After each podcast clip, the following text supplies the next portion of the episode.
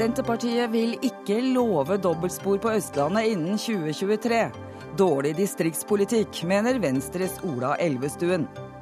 Knut Arild Hareide mener Fremskrittspartiets holdning til romfolket tydeliggjør avstanden mellom de to partiene. Utelukker det regjeringssamarbeid, spør vi. 42 mennesker er drept i frontkollisjoner så langt i år. Regjeringa tar ikke sikkerheten på alvor, sier Fremskrittspartiet, som krever flere midtdelere på norske veier. Og VG oversatte Frode Gryttens 22. juli-dikt til bokmål uten å spørre. Vi gjorde det ikke bevisst, sier VG. VG driver språklig apartheid, sier Grytten.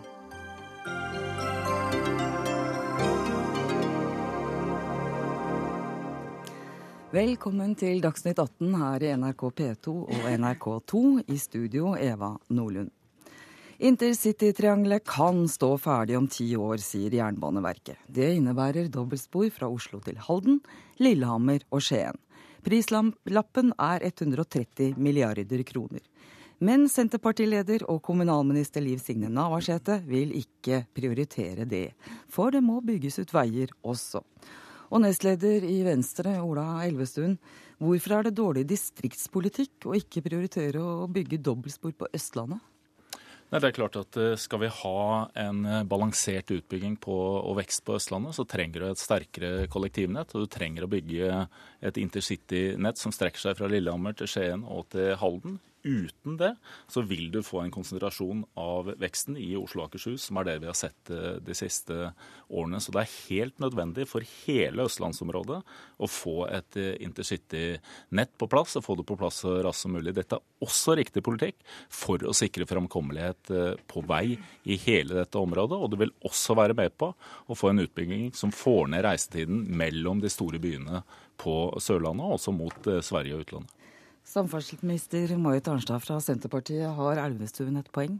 Ja, altså, jeg er for intercityutbygginga. Liv Signe Navarsete er for intercityutbygginga. Regjeringa er for intercityutbygginga. Eh, jeg må nok si det at etter dagens oppslag så syns jeg nok kanskje også at både at deskene i avisene skulle se litt gjennom titlene de setter på avisene. Er det feil? Rett opp det med en gang. Jeg skal ikke skylde på media, men altså rett skal være rett. Det er ikke noe dekning for de titlene som står i VG i dag, hvis du ser på det Liv Signe Navarsete faktisk sier. Og det er heller ikke dekning for det angrepet fra Venstre som har kommet i løpet av dagen, når du ser på hva Liv Signe Navarsete sier. Hun sier ikke at du ikke skal prioritere jernbanen. Hun sier ikke at vei skal prioritere foran jernbanen. Hun sier at hun ikke ønsker å sette intercitysatsinga opp imot veiutbygging utenfor de store byene. Og det er jeg helt enig med deg i. Mm. Det er den skyttergrava du kan gå i hvis du ikke vil ha en brei samferdselspolitisk debatt i forhold til de neste ti årene av Nasjonal transportplan. Betyr det da at det ikke er utelukka at en kan få dette intercitytriangelet på plass før ja, 2023? Regjeringa har jo allerede starta intercityutbygginga. Det er jo igangsatt ja, men på plass. Jo, men hør nå, det er jo igangsatt prosjekt allerede for over ja, Hvis vi skal være klare, ja, men... ikke sant? For det er det det står litt om her. Innen 2023 eh, eller ikke. Men, men, men det kan altså ikke utelukkes? Hør nå, for det første. Altså, jeg, jeg, hører, må, jeg, må, bare svar på det. Jeg må bare få lov å fullføre og si at det er igangsatt prosjekt for allerede for over 18 milliarder kroner knytta ja. til intercitysatsinga ja. i østlandsområdet. Det er svært viktig å få folk til og fra arbeid på en effektiv måte. Mm. Det er klart at intercitysatsinga skal videreføres, og den skal trappes opp i forbindelse med Nasjonal transportplan. Dette er fagetatenes innspill til Nasjonal transportplan. Mm. Og så skal vi, når vi, regjeringa når den har behandla Nasjonal transportplan, mm. legge fram både intercitysatsinga, men også all samferdselssatsing resten av landet. Mm. Dette er jo ikke en nasjonal transportplan for Oslo og østlandsområdet. Dette er jo en nasjonal transportplan for Norge de neste ti årene. som vi faktisk skal legge fram. Men det er en kjensgjerning at du skal du få på plass det intercity-prosjektet, så må du ha en tydelig prioritering, og du må ha en tydelig prioritering over de neste ti-tolv årene. Og da vil det nødvendigvis være Ja, men da vil dette bli også en situasjon hvor du også må konsentrere midlene inn mot dette området. men, har... men Elvestuen, er det sånn at altså, det krever at, at samferdselsministeren sier at vi vi, garanterer at dette er ferdig så raskt som Jernbaneverket sier det kan være ferdig, du, jeg, for at dere skal være fornøyd? Jeg, er det det det handler hører, om? Ja, det, Dette er en betydelig investering, og det krever en enorm vilje over, over tid. Og jeg hører ingenting her som gjør meg berolig i forhold til det. For hele tiden så fortsetter man med den, den retorikken om at vi må balansere de ulike investeringene, og du får, ja, den, klatt, og du får den klattvise utbyggingen som vi har hatt i Norge gjennom veldig lang tid, og som jernbanen har lidd, lidd under gjennom veldig mange år. Jeg synes det er veldig pussig at Venstre avkrever et, en, en, en, tidsfrist på én av flere saker knytta til Nasjonal transportplan før det i hele tatt har begynt behandling av Nasjonal transportplan. Det syns jeg er meget lettvint. Og jeg må også si at når det, når det da gjelder den videre behandlinga, så er det klart at intercity-utbygginga er kjempeviktig. Det kommer til å være veldig viktig. Men det er også mange andre ting som skal på plass i forbindelse med Nasjonal transportplan. Og vi skal ikke minst oppfylle klimaforliket, der vi har forplikta oss fra regjeringas side til å ha en klar framdriftsplan knytta til intercitysatsinga, til å ha tidsfrister for de ulike strekningene, og også til å ha en nasjonal kollektivtransportstrategi. Men, og det skal vi sjølsagt ja, oppfylle. Men den forpliktelsen, hva, hva, sier den om tidsperspektivet for å få intercitytriangelet på plass? Det står ikke noe årstall i klimameldinga og klimaforliket, men det står at vi skal komme med en framdriftsplan, og det skal vi sjølsagt gjøre. Mm. Jeg ser at Venstre i dag beskylder oss for å bryte klimaforliket, og det er jo rett og slett usant. Og jeg syns det rett og slett at det er meget lettvint av et opposisjonsparti. Da skal vi gå til vår tredje gjest, som er leder for Pendlerforeningen i Østfold, Willy Fransen. Velkommen til oss. Eh, er du beroliga nå, etter hva du har hørt fra samferdselsministeren? Nei, definitivt ikke. Og jeg får si slik at jeg snakker også på vegne av eh, ca. 50 000 pendlere inn og ut av Oslo eh, hver dag. Og eh, vi har eh, i løpet av 14 dager klart å intervjue 3000 eh, pendlere hvor vi har spurt en del spørsmål. Og eh, det er snakk om at eh, de aller fleste pendlere, enten det er nord, vest eller øst, er enige om én ting. Det er at vi skjønner ikke hvorfor ikke politikerne eh, kan bli enige om hvorledes de skal bygge ut Norge og få et skikkelig system på gang. I dag sitter vi oppå hverandre, både fra øst, vest og nord, i, i rushtidene, og det er jo da arbeidsfolk går på jobb. Vi får dumme eh, skal vi si, antydninger om å bruke sykkel. Vi, vi, burde vel egentlig si at ja, bruk kamel, men vi, vi, sitter på tog, og vi kjører bil, og vi kjører buss. Og toget er da det som jeg mener, og alle mine pendlervenner øh, øh, sier er det riktige, det er å bruke toget. Men uh, har du forståelse for samferdselsministerens argument om at det er, ikke, det er ikke bare dette triangelet det handler om i dette landet når det gjelder utbygging av samferdsel? Nei, det er riktig. Og politikere må også kunne klare å ha flere baller i lufta på samme tid. Og vi har en, en nasjonal transportplan som har vært en ønskeliste uten tidsangivelser og uten spesielt mye økonomi. Og nå hadde vi en Follotunnel som ble vedtatt å bygges mellom Oslo og Ski. Det ble satt av penger. Hva var det man gjorde? I løpet av et pennestrøk så kjørte man hele beløpet inn i budsjettet. Og det er jo egentlig bare å bløffe oss pendlere. Ja, det er vel ikke så rart at folk gjerne vil ha et tidsperspektiv? Marit Arnstad? Jo, men det er jo nettopp det her den, den, hele arbeidet med Nasjonal transportplan handler om. Det handler om to viktige ting etter min mening. Få på plass et, et, et transportmønster i Norge som oppfyller to viktige krav. Det ene er at folk rundt de store byene skal komme seg raskt og effektivt fram og tilbake til arbeid. Mm. Og det andre er at næringsliv og naturressurser og folk som bor utenfor byene, skal ha gode og framkommelige samferdselstiltak rundt seg. De to tingene handler det om. Da kan vi ikke trekke ut én ting og si at det er bare den vi skal diskutere. Da må vi diskutere hele det transportsystemet vi skal ha for de neste ti årene. Men igjen, jeg spør igjen, har du forståelse for at de som bruker disse togene hver dag, gjerne vil ha et tidsperspektiv, og gjerne vil også vil helst da ha en frist? Det skal være klart men, da. Men det er klart at de skal få på en måte, altså Nasjonal transportplan vil jo nettopp angi både tidshorisont for intercityutbygging og for andre samferdselstiltak. Men du kan ikke be meg om å komme med en tidsfrist før vi i hele tatt har starta behandlinga av Nasjonal transportplan. Så gjerne Jernbaneverket har sagt hvor raskt det kan gjøres, så vil det komme en forventning. Så er vi tydelige på at vi kommer til å prioritere intercity intercityutbyggingen, for det er det du må gjøre nå. På bekostning av hva da? Det er en her. Det er, det er på bekostning av vei. Det vil være på bekostning av vei i dette området fordi det henger så nøye sammen. Og så vil du selvfølgelig måtte være mer kreativ for å få til utbygging med bompengefinansiering på andre viktige veistrekninger. Det vil være en nødvendighet også i forhold til E39, som er viktig på, på Vestlandet. Men vi er tydelige på at dette er noe Og det holder ikke bare også med prioritering, du må også se på hvordan vi planlegger. Du trenger en tydelig statlig planlegging, du trenger en prosjektorganisering, og vi må også se på hvordan du skal finansiere i tillegg til bare statsbudsjettet. Jeg hører hva Venstre sier, jeg syns fortsatt det er lettvint. Og vi har i motsetning til Venstre, da de satt i regjering og ikke oppfylt NTP et eneste år, så har vi oppfylt en nasjonal transportplan for første gang denne regjeringa her. Og det har vi selvsagt tenkt å fortsette med, også når det gjelder den nye planen. Det er vel et godt poeng, Elvestuen?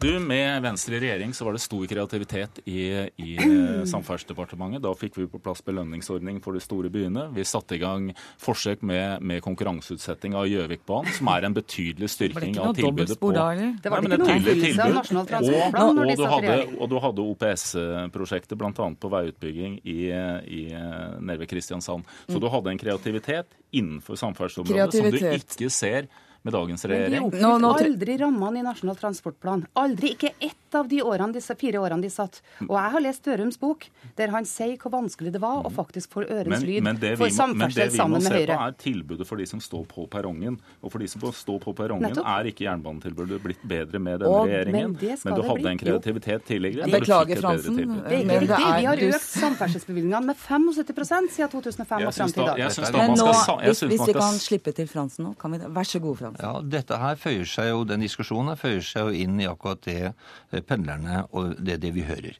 Det er et rot, og det er et, eh, et avvik i hvordan man skal styre Norge, som er helt åpent. Og vi krever at eh, man setter av tid og penger til de prosjektene som er helt nødvendige.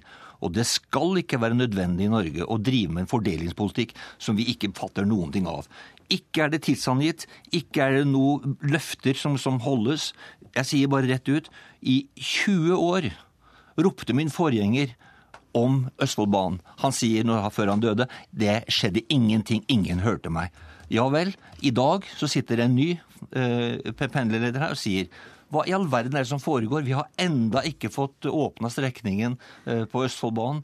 Vi sliter med slitte skinner på Nordlandsbanen. Vi sliter med korridorene vestover. Hva er det som blir gjort? Dere sitter og snakker om fordelinger og tar fra veien for å bygge jernbane. Vi fatter jo ikke at vi ikke kan bruke noen av de pengene vi har til å gjøre jobben ferdig i dag, og så si det som får betale over tid. Dette her skjønner vi ikke. Jeg har sittet nå i Venstre og bygget opp et godt kollektivtrafikk siden 2005, og er en stor suksess. Og det vi ønsker til neste år, er å gjøre det samme nasjonalt. Det krever en kraftig satsing. Det brukes 12 milliarder mer per år til samferdsel nå enn det gjorde i 2005. Den nye nasjonale transportplanen kommer til å bli en ambisiøs og robust plan. Men det er klart at den skal se hele landet i sammenheng, og den skal se alle transportformer i sammenheng. Og jeg kan garantere at vi kommer tilbake til transportplanen. Eh, takk så langt, Marit Arnstad. Du skal være med oss i en sak litt senere i sendinga.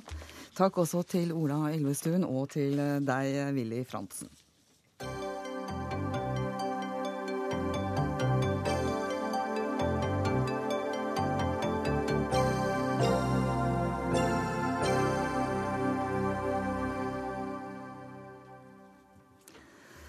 Romfolket på Årvoll i Oslo hadde frist til klokka seks i kveld med å flytte, og nå står bare forlatte skur igjen på tomta. I Oslo er det ikke satt i gang nye tiltak for å gi romfolket et sted å være. Og det er uklart hvor de som bodde på Årvoll har flytta. I dag tidlig gikk fristen for romfolket i leiren på Vikhamar i Malvik ut, og i løpet av dagen er det kommet opp noen telt utenfor Nidarosdomen i Trondheim. Og biskop i Nidaros bispedømme Tor Singsås du sa til Dagsnytt tidligere i dag at dere ikke vil jage vekk romfolket som har slått seg ned utenfor dommen. Får teltene stå der på ubestemt tid? Altså, nå er vi i eh, en veldig god samtale med dem om hva vi gjør eh, framover. Eh, så eh, de teltene du snakker om, står nok litt mer beskjedent. Det er en par telt som da står bak erkebispegården. Og vi har blitt enige om at nå skal vi prøve å se om det finnes en løsning på det dilemmaet som vi står oppi. Ja, Du har hatt møter med representanter for eh, romfolket i dag. Hva kom ut av det møtet? Nei, det viktigste for dem faktisk var å høre, det var det vi sa om eh, menneskeverdet deres. Eh, de kom jo inn og, og eh, hadde tanker og erfaringer og opplevelser av at de stadig vekk blir krenka og ynkeliggjort og gjort små. Og, og, og at en faktisk eh, møter ganske mye umenneskelighet. Det var jo det de var mest berørt av. sånn at vi snakka ganske lenge omkring hva er det å være menneske. Og også det å få høre at de skal få eh, oppleve å bli tatt imot som verdige mennesker og ikke skal bli krenka. Det var veldig viktig for dem å få høre. Ja, du var inne på det. Altså, det er noen få telt da, som, eh, som, står hos dere etter at ordføreren i Malvik, Terje Bremnes Granmo, ga romfolket frist til i dag tidlig med å flytte seg. Og her i Oslo eh, måtte også romfolket flytte fra leiren på Årvoll. Hva syns du om det noen kaller å jage romfolket rundt? Altså Det de sier sjøl, er jo det at de blir forferdelig slitne, og de blir veldig triste over at de ikke får et sted hvor de kan få fred og ro, og hvor de kan få hvile, og hvor de kan få oppleve sikkerhet og trygghet. Ehm, eh, det er klart at For oss eh, så er vi nå inn i en, en samtale eh, hvor vi i alle fall skal løfte fram de utfordringene og det som dette romfolket har av egen identitet, og på hvilken måte skal de bli respektert som det de faktisk er. fordi at det her er jo et europeisk problem, og som nå har blitt et, eh, en stor utfordring for vår nasjon, og som vi nå har fått som utfordring i Trondheim. En lokal utfordring. Takk skal du ha, biskop i Nidaros bispedømme Tor Singsås. Og leder i Kristelig Folkeparti, Knut Arild Hareide, du er med oss på telefon fra Vestlandet. Du sa til NTB i går at romfolksaken viser bety, viser tydelig og viser betydelig avstand mellom Kristelig Folkeparti og Fremskrittspartiet. Hva, hva innebærer det? Hva mener du med det? Jeg slutter meg til det som biskopen her sier, Tor Singsås, at eh, alle enkeltmennesker skal bli møtt med respekt. Eh, KrF eh, sitt slagord er 'menneskeverd i sentrum'. Og Da er det klart at da ligger det i KrF sin ryggmargsrefleks og empati å møte alle mennesker med respekt. Eh, og jeg opplever nok at eh, bl.a. Frp, men òg andre i denne debatten her, har eh, overforenkla debatten. Gjort mye enklere og ikke kommet med løsninger i hvordan vi kan løse utfordringen her. Og det er fordi at det å, å si at send noen hjem igjen, det er ikke med på å være med på en, en løsning her. Jeg syns derfor det er veldig flott den måten kirka i, i Trondheim Nidaros møter her. Jeg kan også vise til Frelsesarmeen, som har gjort et betydelig arbeid Eh, bl.a. Eh, både i Romania, men òg med romfolket her i, i Norge. Men Hareide, unnskyld at jeg avbryter deg, men kan du, kan du klargjøre litt? Du, du sa at Kristelig Folkeparti setter menneskeverd i, i sentrum. Det, det, vil mange si at de gjør. Mener du at Fremskrittspartiet ikke gjør det? At det er det som har kommet fram i denne saken? Jeg opplever at f.eks. når Per Sandberg sier at alle er enige om at tiggerne i stor grad er kriminelle. Eh, da mener jeg at han fratar de som tigger uten å være kriminelle, sin eh, troverdighet. Mm. Ja, og grunnleggende respekt. Jeg opplever òg budskapet fra Frp om send de hjem igjen, uh, send de på, på, busser. Det er ikke med på å løse denne saken. Det er andre måter å, å, å løse saken på. Og så er det ikke noen hemmelighet at nettopp i integrerings- innvandringsspørsmål så er det nettopp et område som det er betydelig forskjell på, på Fremskrittspartiet og KrF sin politikk. Stortingsrepresentant for Fremskrittspartiet Per Sandberg, du er altså leder av justiskomiteen. Eh, alle er enige om at tiggerne i stor grad er kriminelle, det så jeg også at du var sitert på i går. Men så hørte vi også fungerende politimester i Tromsø si at der var ikke tiggerne noe kriminelt eh, problem, for å si det sånn. Og forskere på Venova er heller ikke helt enige der. Hvorfor er du så i hvert fall tilsynelatende kategorisk når det er så stor uenighet om, om saken? Jeg forholder meg til, til, hovedstadens politi og, og, hvilke utfordringer man står overfor her. Jeg sier ikke at alle tiggere er tiggere i utgangspunktet. Eh, er kriminelle. Med, er kriminelle. Men, men, eh, når det ikke er inntekter å hente på tigging, så vil det raskt føre, gå over til annen type virksomhet, og da kriminell virksomhet, akkurat som, eh, som politiet i Oslo påpeker. Som også sier at politiet i Oslo ser en dramatisk økning. 139% flere pågrepne rumenere. Men så har jeg vært ganske kategorisk da, og flink, syns jeg sjøl, at å ikke snakke om romfolk, det er det andre som har gjort. Eh, men jeg føler virkelig at det er trist at eh, Hareide går i samme sporet som Stoltenberg. Fordi at eh, både Hareide og Stoltenberg de går inn i denne debatten med å angripe Fremskrittspartiet uten å fremme noen som helst forslag til løsninger sjøl. Stoltenberg litt, går litt lengre faktisk enn Hareide med å beskylde da den som er kritisk til at det etableres ulovlige leirer at det forsøples rundt omkring eh, parkene våre, boområdene våre, så trekker altså statsministeren fram etnisitet, men, men drar fram rasismekortet. Nå er det Hareide inn på det umenneskelige. Og det er da disse to gjør, men, det er å ikke ikke fremmede løsninger overhodet, og det er uansvarlig. Sandberg, eh, for, eh, har du forståelse for at mange syns det kan gå på menneskeverdet løs når det snakker om å sende folk eh, til det de, tilbake til det landet de kommer fra, i busser? Fremskrittspartiet har en rettferdig, men streng politikk også for rumenere. Vi skal være klar over det at hver eneste dag så sendes det folk ut fra Norge.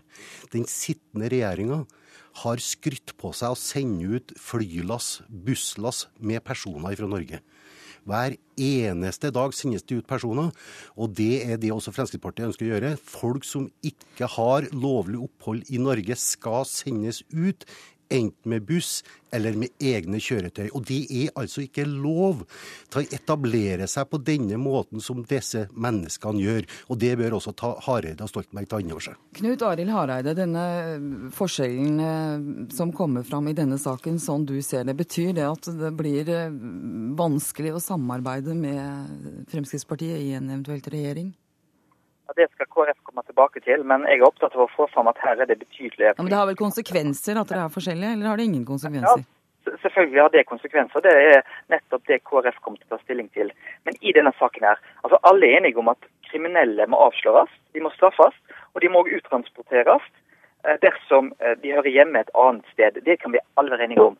Men det å begynne å klassifisere enkelte grupper og på en måte eh, ta en gruppetenkning, det er der jeg reagerer spesielt, og KrF reagerer. Så syns jeg det er veldig bra at Per Sandberg går tilbake på når han sier at det er feil, at alle er enige om at tiggerne i stor grad er kriminelle. Jeg synes det, det skal han få honnør for, at han snur dagen etterpå eh, i nettopp eh, den saken der. Eh, men problemet er at vi kan ikke Romfolket eh, er enkeltindivid, de er enkeltmennesker. De har de samme rettighetene som EØS-borgere. Men, men i, igjen så går er KrFs løsning på dette? Jeg skal vise et eksempel på det. Men vi, vi, må, det er ikke så mye tid. Vi må, vi må nesten slippe til Sandberg og Hareide. Ja. Altså, igjen, igjen, så svarer altså Hareide og KrF med bare angrep. Det er altså ikke sånn at man nødvendigvis er kriminell for å oppholde seg ulovlig i Norge. Vi har lover og avtaler som regulerer hvordan mennesker fra Schengen-området skal forholde seg til lov når de skal komme til Norge. Disse har ulovlig opphold mange har kriminell løpebane. Da skal de sendes EØS-borgere oppholde seg i Norge nå? Ja, hvis man ikke har søkt arbeidstillatelse, så lenge man ikke har bosted og har forutsetninger for å forsørge seg sjøl, så har man ikke noe i Norge å gjøre. Men mange av de borgerne som, som Frp ville sende hjem igjen, hadde jo vært her i langt i underkant av tre måneder, som, som er en rettighet som EØS-borgere har. Så, så, så, så, den definisjonen som Sandberg kom med, ja, gjelder jo ikke for stor del av romanfolket. Ja, men hvordan skal du sjekke det når du ikke vet ID-en til disse menneskene? Sandberg. Som politiet sliter med. Da må vi sette strek i denne runden. Takk skal du ha, Per Sandberg, og takk til Knut Arild Hareide. Hør Dagsnytt 18 når du vil, på nettradio eller som podkast. nrk.no – dagsnytt 18.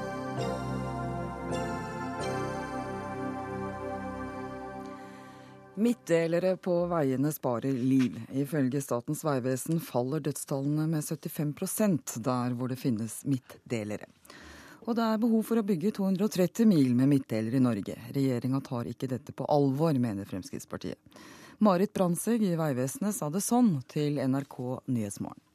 Når Statens vegvesen gjør beregninger på de trafikksikkerhetseffektene vi får av møtefri vei, eller det å sette opp eh, midtrekkverk, så regner vi at vi på det høytrafikkerte veinettet har en reduksjon i antall drepte på opptil 75 og at i forhold til hardt skadde så ligger det på ca. 50 ut fra hva vi hørte her, hvorfor er det ikke midtdelere på flere norske veier, samferdselsminister Marit Arnstad? Det tar nok sin tid å bygge ut midtdelere. Og det er også sånn at det er kostnader forbundet med det, som gjør at det vi ikke klarer å, gjøre, å øke takten så raskt som kanskje en del har ønska. Har vi råd til å ikke gjøre det når det sparer så mange liv? Vi bør, vi bør, prøve å øke tempoet. Samtidig er det viktig å ha med seg at det er mange tiltak som kan bidra til å få eh, ulykkesrisikoen ned på norske veier. Det er ikke bare midtdelere. Så det er også viktig at du innenfor trafikksikkerhet satser på et bredt område av tiltak. Eh, her sa de at 75% av dødsulykkene kunne unngås ved bruk av midtdeler. Vi skal være klar over at hvis vi tok et personlig ansvar, og ikke tenkt på at staten skal gjøre alt, eh, Hoksrud Hvis du har et personlig ansvar for f.eks. å bruke bilbelte, holde farten og kjøre rusfritt, så ville det også kunne redusert dødsulykkerisikoen med 50% Ja, da er Hoksrud introdusert, og det er altså Bård Hoksrud som sitter i samferdselskomiteen for Fremskrittspartiet. Og, og du mener altså at regjeringa ikke tar eh, trafikksikkerheten på alvor. Det er jo store ord. Hvorfor det? Ja, Det er jo selvfølgelig fordi altså at vi i år skal bygge 17 km midtdelere. Sverige bygger 200 km hvert eneste år. Men det er vel ikke større dødstall i Norge enn i Sverige? Nei, men det er jo ikke noe mål i at vi skal være like gode som Sverige. Målet må jo være at vi faktisk skal møte den visjonen vi har om null hardt skadde og null drepte i trafikken. Så langt i år har 42 mennesker mista livet i møteulykker. 92 mennesker har mista livet eh, Nei, blitt hardt skadd i trafikken i år det viser jo at det er mange mennesker som blir hardt skadd og ramma. Og når vi vet at et så lite tiltak som midtdelere mm. reduserer dødsulykkene med 75% så syns jeg det er trist at ikke man ser, og jeg er enig med Arnstad, de andre tiltakene er viktige. Men midtdelere er et billig tiltak. Det handler om politisk vilje til å finne de pengene. 5 milliarder kroner ville gjort enormt mye. Står det på 5 milliarder kroner, Arnstad? Altså, Jeg kan ikke sitte her og love ut 5 milliarder kroner over bordet. Og jeg må si at vi skal prøve å øke satsinga på midtdelere eh, så godt det kan la seg gjøre. Eh, samtidig så vil vi også satse på en rekke andre tiltak. Og jeg har lyst til å minne om at vi også øker veiutbygginga der du har atskilt trafikk. Altså det, Der du da slipper problematikken omkring midtdeler i det hele tatt. At den veibygginga jo har økt de siste årene. Det er rabatter imellom? Der det er rabatter imellom, eller der det er eh, firefeltsvei. Så, så, det er også, syns jeg, en bit av bildet som må med. Og så er jeg enig med Hoksrud i at eh, enhver dødsulykke er en ulykke for mye. Det er liksom, så, så, det er ikke noe mål på en måte å være på svensk nivå. Men det er viktig for oss at vi faktisk har klart å komme oss ned dit nå. Mm. Og så må det jo være et mål å komme enda lenger ned. Det er helt klart. Men, men jeg synes når, når, statsråden prøver seg nå på å si at det blir bygd mye, mye motorvei, altså vi bygger 11 km motorvei i Norge da, i, i år. Det er heller ikke veldig mye. Vi har åpna det, det, vi faktisk bygger i år, eller det som står ferdig i år. Det er allerede åpna. Det var eh, mellom Sky Langangen eh, i Telemark og Vestfold. Det er veldig bra.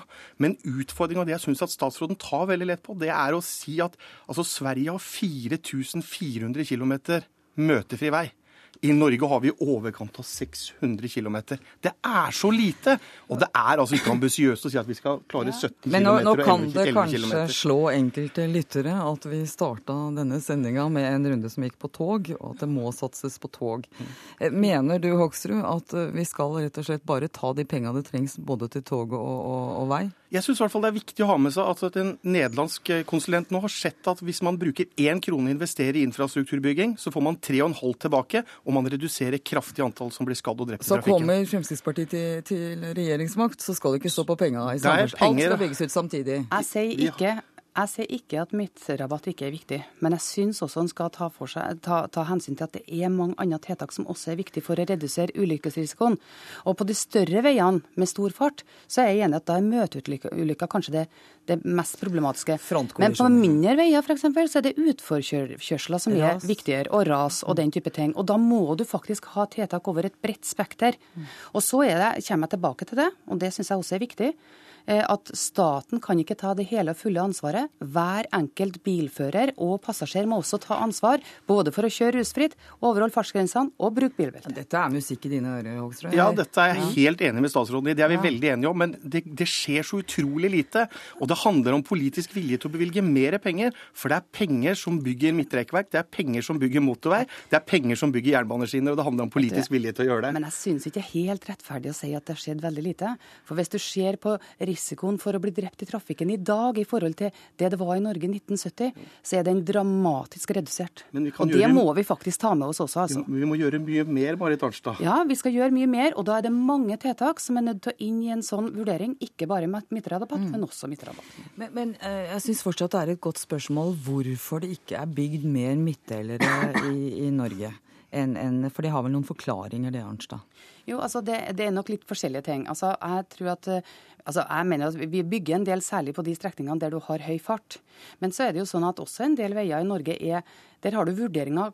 Kan du bygge på veier som er såpass smale? Kan du bygge midtrabatt? Det er også en sånn vurdering som har gått igjen, og som du av og til møtes med.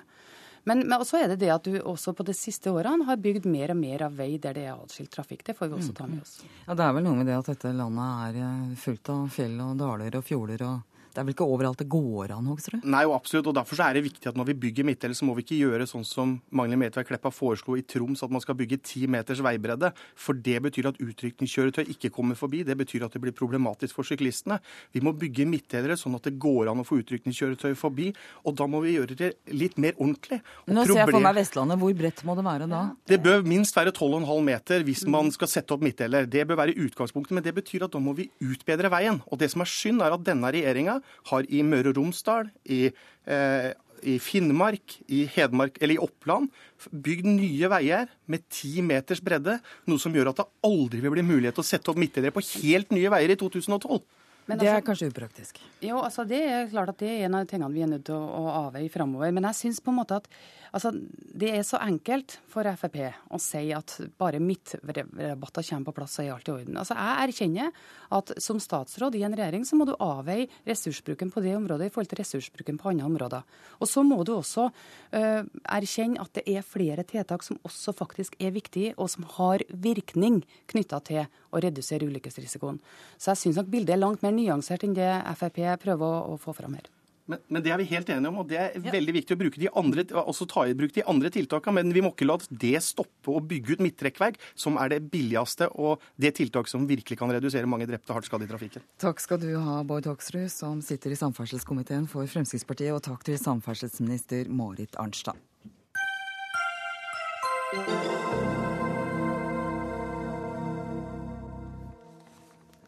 Samtidig som kampene raser i hovedstaden Damaskus og byen Aleppo, strømmer flyktningene over grensene til nabolandene. FNs høykommissær for flyktninger anslår at rundt en million mennesker er fordrevet fra hjemmene sine siden opprøret mot Assad starta i mars i fjor. Og utenriksmedarbeider Sissel Wold, du er i Bab al-Hawa i Tyrkia. Det er en grensestasjon mot Syria. Hva skjer med syriske flyktninger som forsøker å komme over grensa til Tyrkia? Ja, Det tyrkerne som bor her i nærheten sier, er at uh, de siste dagene så har uh, syriske flyktninger som har prøvd å ta seg over uh, de små, sånne små bakketopper og små hauger, de har blitt stoppet av tyrkiske soldater og blitt bedt om å gå tilbake. Men det er jo kommet veldig mange hit. Tallet på syriske flyktninger i, Syria er nå, i Tyrkia er nå 43 564, og de bor i åtte leire. Mange av dem langs grensen i dette området av Tyrkia hvor eh, jeg befinner meg. Men Sissel, de flyktningene som nå prøver å komme over grensa og ikke kommer over, hva, hva venter dem? Ja, De må vel dra tilbake til landsbyene sine. Det er mange her som er veldig bekymret for dem. fordi at uh, familiene Eh, er splittet over grensen. Dette var jo et sammenhengende område før eh, grensene ble trukket opp etter Osmanske rikets fall. Mm. Sånn at eh, de har mye kontakt med sine eh, frender og sine slektninger på den andre siden inne i Syria. Og folk forteller her at de er veldig bekymret når de ikke tar telefonen, når de ikke svarer på Skype. Så man følger godt med her, og man prøver å hjelpe. Men uh, tyrkiske myndigheter er også veldig redd for sikkerheten akkurat uh, nå langs denne grensestrekningen. Vet du noe om hvordan situasjonen er for de flyktningene som har kommet seg over til Tyrkia og er i leire? Ja, i dag så, ja, i dag så har vi hørt uh, at uh, det har utbrutt uh, krangling og også til dels slåsskamper i en av flyktningleirene. Flyktningene er misfornøyd med at de behandles for dårlig, syns de. At de ikke får nok vann og mat. Men nå er det også ramadan, sånn at da mm. er det mange som Eh, temperaturen kan bli høy, og det kan gå en kule varmt hos eh, mange når de ikke spiser og drikker, for det er veldig veldig varmt i dette området nå om dagen. Men de mener at de burde behandles eh, bedre. Det er deres klare synspunkt. Takk skal du ha, utenriksmedarbeider Sissel Wold fra Tyrkia på grensa mot Syria. Morten Rostrup i Leger uten grenser, dere har ingen leger i Syria akkurat nå, men har hatt det tidligere i år. Og dere er også i kontakt med syriske leger. Hva sier de om situasjonen de er i? Situasjonen er jo nå svært, svært vanskelig, og det har det jo vært over tid. Mm. Det som har vært et av hovedproblemene, er at det har vært nesten umulig å gi adekvat eh, legehjelp til de som blir skadet i, i kampene. Det har nærmest vært en bevisst strategi fra, fra, fra, regimets side å hindre folk i å få legehjelp. Så du kan si på en, eh, på en enkel måte at uh, enten så prøver man å drepe folk ved å skyte dem direkte, og hvis man ikke lykkes i det, så må man iallfall hindre dem i å få legehjelp, slik at de da dør en lang og smertefull død. Og eh, vi har jo hatt eh, faktisk legeteam inne i Syria. Vi har ikke fått noen offisiell tillatelse til å gå inn i landet. Vi har søkt om det hele tiden, og vi ser at det er et kjempebehov for å ha uavhengige medisinske organisasjoner inne. Men eh, de eh, rapporterer, våre folk som har vært inne, om en, eh, et miljø hvor det er en ekstrem frykt blant alle. Leger sier, sier til oss at det å bli tatt med en pasient er mer farlig enn å bli tatt med våpen. Man risikerer både at legen og pasienten blir drept. Og Under slike forhold så blir det veldig vanskelig å gi adekvat medisinsk hjelp. Jeg kan bare nevne et eksempel at man må korte ned på alle mulige medisinske behandlingsprosedyrer. Normalt sett så hadde man stoppet blødning f.eks. med å gjøre et kirurgisk inngrep. Det har man ikke tid til, fordi man må kunne evakuere stedet man er på i løpet av ti minutter hvis det kommer f.eks. væpnede styrker. Så da blir det å gjøre enkel førstehjelp. Og det gjør at dødeligheten på noen av disse provisoriske helsesentrene kan strekke seg opp mot 30-40 Så det er en ekstremt vanskelig situasjon. Men betyr det da, Rostrup, at eh, de um, triste bildene vi ser fra Syria, med alle de som er uh, skada, som vi da tror at når det er bilder av dem, så får de legehjelp, mm. at, at de ikke får det? Dessverre er det slik at veldig mange av dem får ikke adekvat legehjelp. Det er det man tenker seg i en vanlig krigssone så skal man ha respekt for sykehus, respekt for leger, sykepleiere, slik at de får gjort sin jobb. Og alle som er skadet og lagt ned sine våpen, har rett til full legehjelp. Slik er det ikke i Syria. Tvert imot, sykehus blir faktisk angrepet og ødelagt eh, i landet for å hindre eh, opprør, f.eks. å få medisinsk behandling. Du, du, nevnte at leger er redd for å bli tatt med en pasient, mm. altså for å hjelpe en pasient. Eh, hva, hvilke konsekvenser kan det ha for legen hvis de blir de tatt kan, sånn i en behandling? En, som noen, noen, av legene fortalte våre team som var inne i Syria for ikke så lenge siden, så var det de legene selv var redd for å bli drept. At både pasienten og legen ble drept.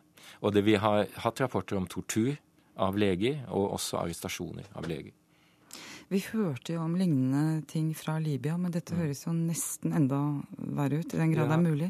Ja, altså, vi så samme tendens i Libya. Jeg var også jobbet i mm. Libya under krigen og snakket med mange av mine kolleger der. Jeg hadde også kontakt med dem uh, på telefon. Og det var mye av det samme som foregikk. Slik at uh, dette er en tendens. Altså man bruker det å nekte folk helsehjelp, blir brukt som et våpen i krigen. Vi har også med oss eh, Mats Almås. Du er Flyktninghjelpens eh, landdirektør i Libanon. Og det er ikke så lenge siden du kom hjem fra Libanon. Eh, hvor mange syriske flyktninger er det i Libanon nå? Per i dag så er det i overkant av 30 000, 32 500 ganske presist, som mottar assistanse gjennom organisasjoner som også FN. Men så er det også da no, antageligvis noen titalls tusen til som ikke er registrert. Hvordan har disse flyktningene det i Libanon? Nå har dette vært en situasjon som har vokst helt siden april, eller mars-april i fjor. Um, og det som er hovedtrenden, er at uh, disse som har vært her nå i flere måneder, de er blitt tatt imot av vertsfamilier i Libanon. Mm. Um, Men så er det sånn at disse områdene er blant de fattigste i Libanon. Og som, eh, som Wold var inne på, det er ramadan også nå. Og dette her er en, også en, en ekstra eh, krevende periode for folk å ta imot eh, familier. Noen er slektninger, andre er totalt ukjente. Og Flyktninghjelpen vi jobber da med å oppgradere disse husene, sånn at folk kan få bo eh, hos libanesiske vertsfamilier. Dette er også det de foretrekker selv. Hva vet Flyktninghjelpen om hvordan den humanitære situasjonen er inne i, i Syria? Vi vet eh, påfallende lite. Eh, fortsatt er det en veldig effektiv eh, informasjonskontroll. Eh, så den informasjonen som kommer ut, den er vanskelig å få verifisert. Mm. Eh, du nevnte et tall på kanskje så mye som en million internfordrevne. Anslag vi hører nå, er oppimot halvannen million. Og Det er også interessant da, i forhold til de totale flukttallene. Du har nå nærmere 200 000 i nabolandene, men det er fortsatt altså over langt over en million internt i Syria. Og Det sier også noe om folks, hva, skal vi si, hva slags beveggrunner de har for å flykte. Og at folk kvier seg for å flykte, all den tid de ikke vet når kan vi vende tilbake igjen. Mm. Rostrup fra Leger uten grenser, hva, hva hører dere om den humanitære situasjonen inne i Syria? Nei, så det, Som sagt så er vi jo ikke, har ikke vært nok til stede selv til å virkelig få en full oversikt. Men ut fra de rapportene som er kommet fra både pasienter vi har fått over til sykehus vi har i Jordan bl.a., og også flyktningleirer i, i, i, Libanon, så, så, forverres denne situasjonen. Og det er uoversiktlig. Det er områder som er kontrollert opprør en periode, så kommer regjeringsstyrker og tar over, slik at det er hele tiden en usikkerhet i det. Og vi har også sett uh, veldig mange som har kommet over grensen, spesielt barn med store psykiske traumer. Og eh, mental helse-aspektet her er også veldig viktig å få med seg. Det er mange som lider eh, pga. den terroren de har vært eh, ofre for. Takk skal du ha, Morten Rostrup fra Leger uten grenser, og takk til Mats Almås fra Flyktninghjelpen.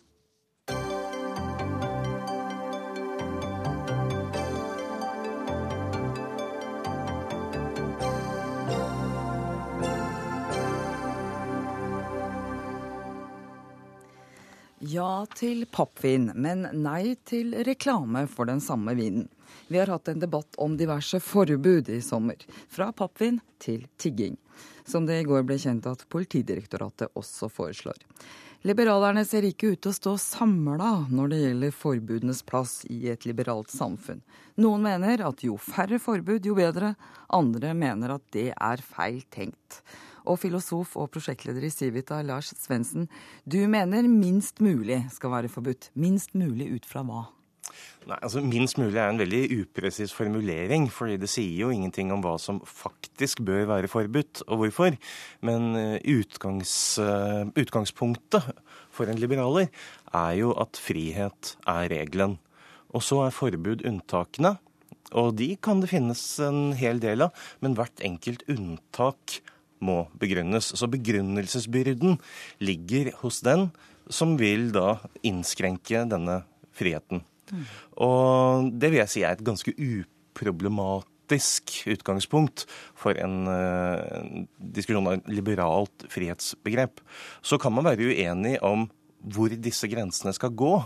Jeg vil typisk si at disse grensene er noe som må defineres av rettigheter. Mm. Dvs. Si at du skal i det vesentlige være fri til å gjøre hva du ønsker, så fremt du ikke krenker andres rettigheter, derigjennom å påføre dem skader. Ja, ikke forbud. Eh, rettigheter. Ja, altså for, det er rettighetene som definerer hva som, forbud, ja. hva som skal være forbudt.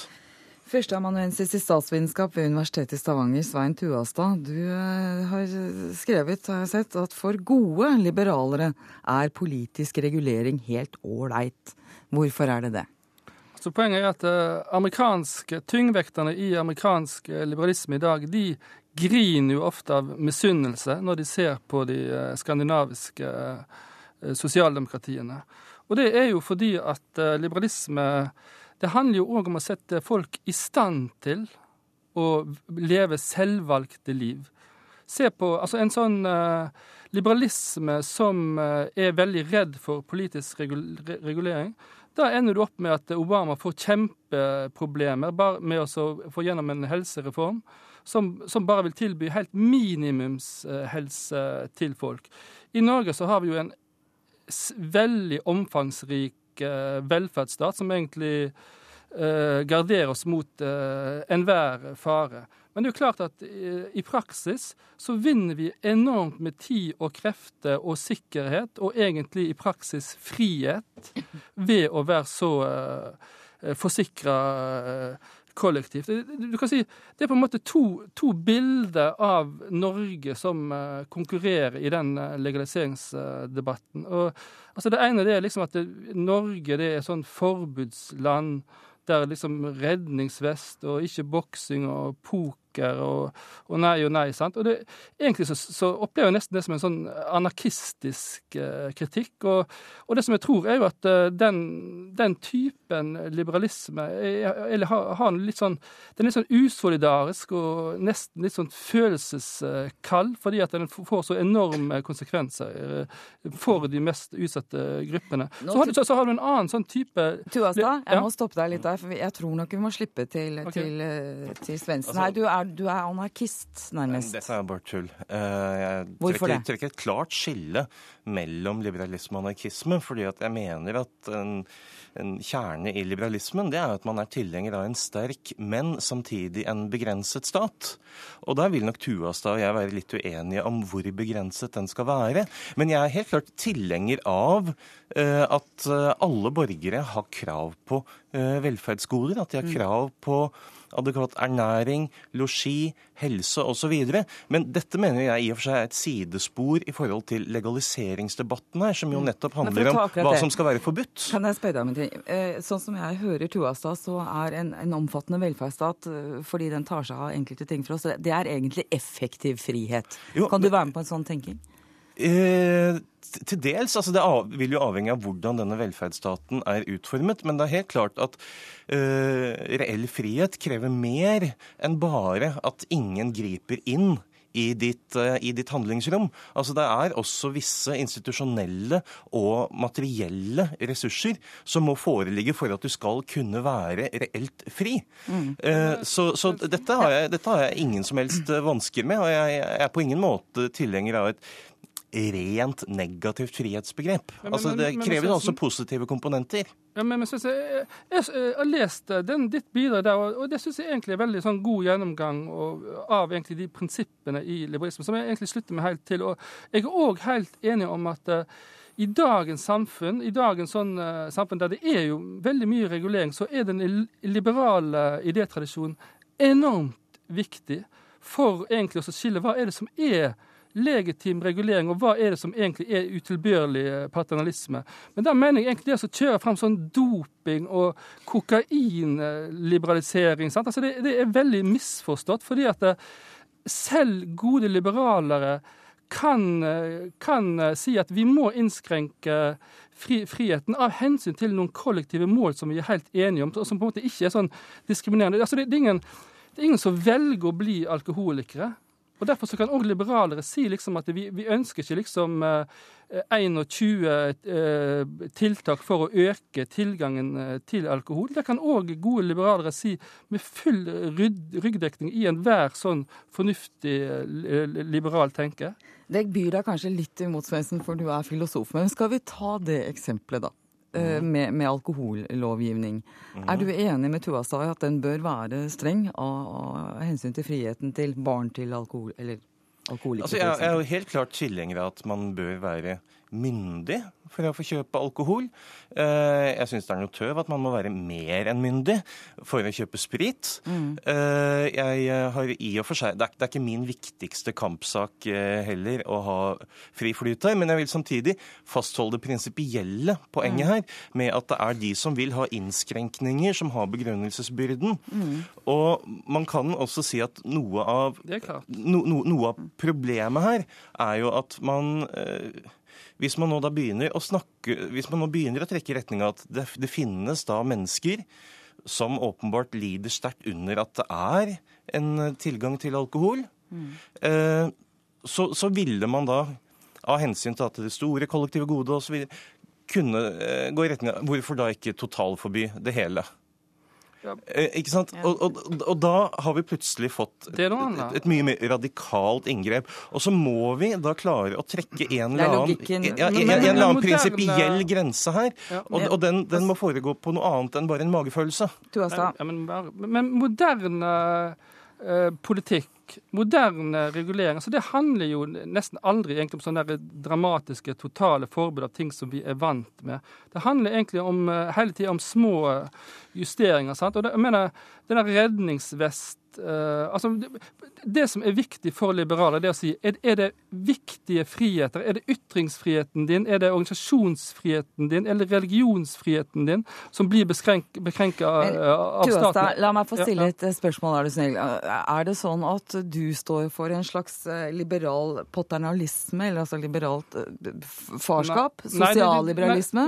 Er det det som skiller dere to? Nei, det mener jeg faktisk ikke. For egentlig så tror jeg Svendsen òg ender opp med egentlig Ja, det må han få svare for. Ja, men, men, men, det som jeg vil skille mellom, det er egentlig en sånn type libertarianisme, eller du kan si nøytralitetsliberalisme, opp mot en likeverdsliberalisme. Der, der det viktige er altså, det at staten kan ikke uh, føre en moralistisk politikk, men den kan føre en solidarisk politikk. Jeg mener jo at staten eh, bør være mest mulig preferansenøytral total preferansenøytralitet er, er, ikke mulig. Altså, Man vil nødvendigvis måtte privilegere noen verdier fremfor andre, mm. men den bør i liten grad definere hva som er sant og hva som er mm. godt. Dette Hvis, bør være eh, i større grad opp til den enkelte borger å definere. Vi skal ha rett til å ta elendige valg som kan skade oss sjøl. Dette mener jeg er en grunnleggende menneskerett, å foreta usedvanlig dårlige valg. Så lenge det, så lenge det ikke skader andre, inkludert mm. de svakeste gruppene, som er barn av rusavhengige, f.eks. Det var så langt vi kom i denne omgang. Takk skal dere ha. Takk.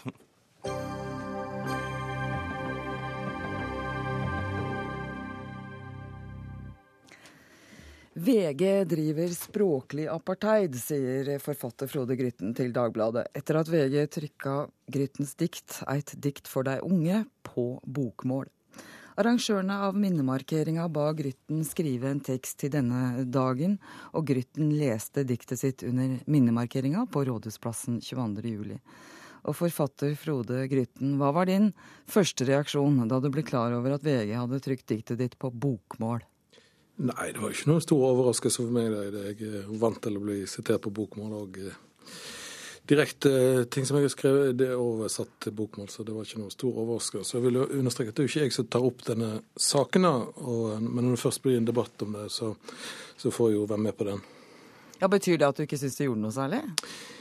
Nei, altså jeg tenker på det som tankeløshet, og at det går fort i eh, et avisarbeid. og jeg, For meg var det viktigste at NRK presenterte dette på en så ordentlig og grundig og bra måte, da, og det var det viktigste. Men det som er saken, er jo at dette er et symptom på, på den merkelige, meningsløse språklige politikken i riksavisene. da. Og det er den du kaller språklig apartheid? Ja, og den har jo mm. vart i mange år. Og det er det som er saken. Altså, jeg er uviktig i dette. Det er liksom selve språkpolitikken som er viktig. Hva, hva innebærer språklig apartheid, sånn, sånn, du definerer det?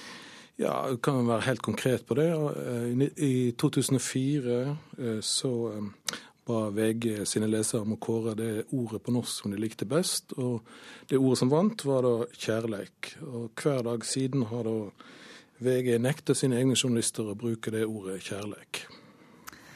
Ja, nyhetsleder i VG-nett Kari Tone Sperstad, det hører til historien at uh, dere har beklaga og sagt at dere ikke bevisst oversatte Gryttens dikt til bokmål. Men var det ingen bjeller som ringte noe sted?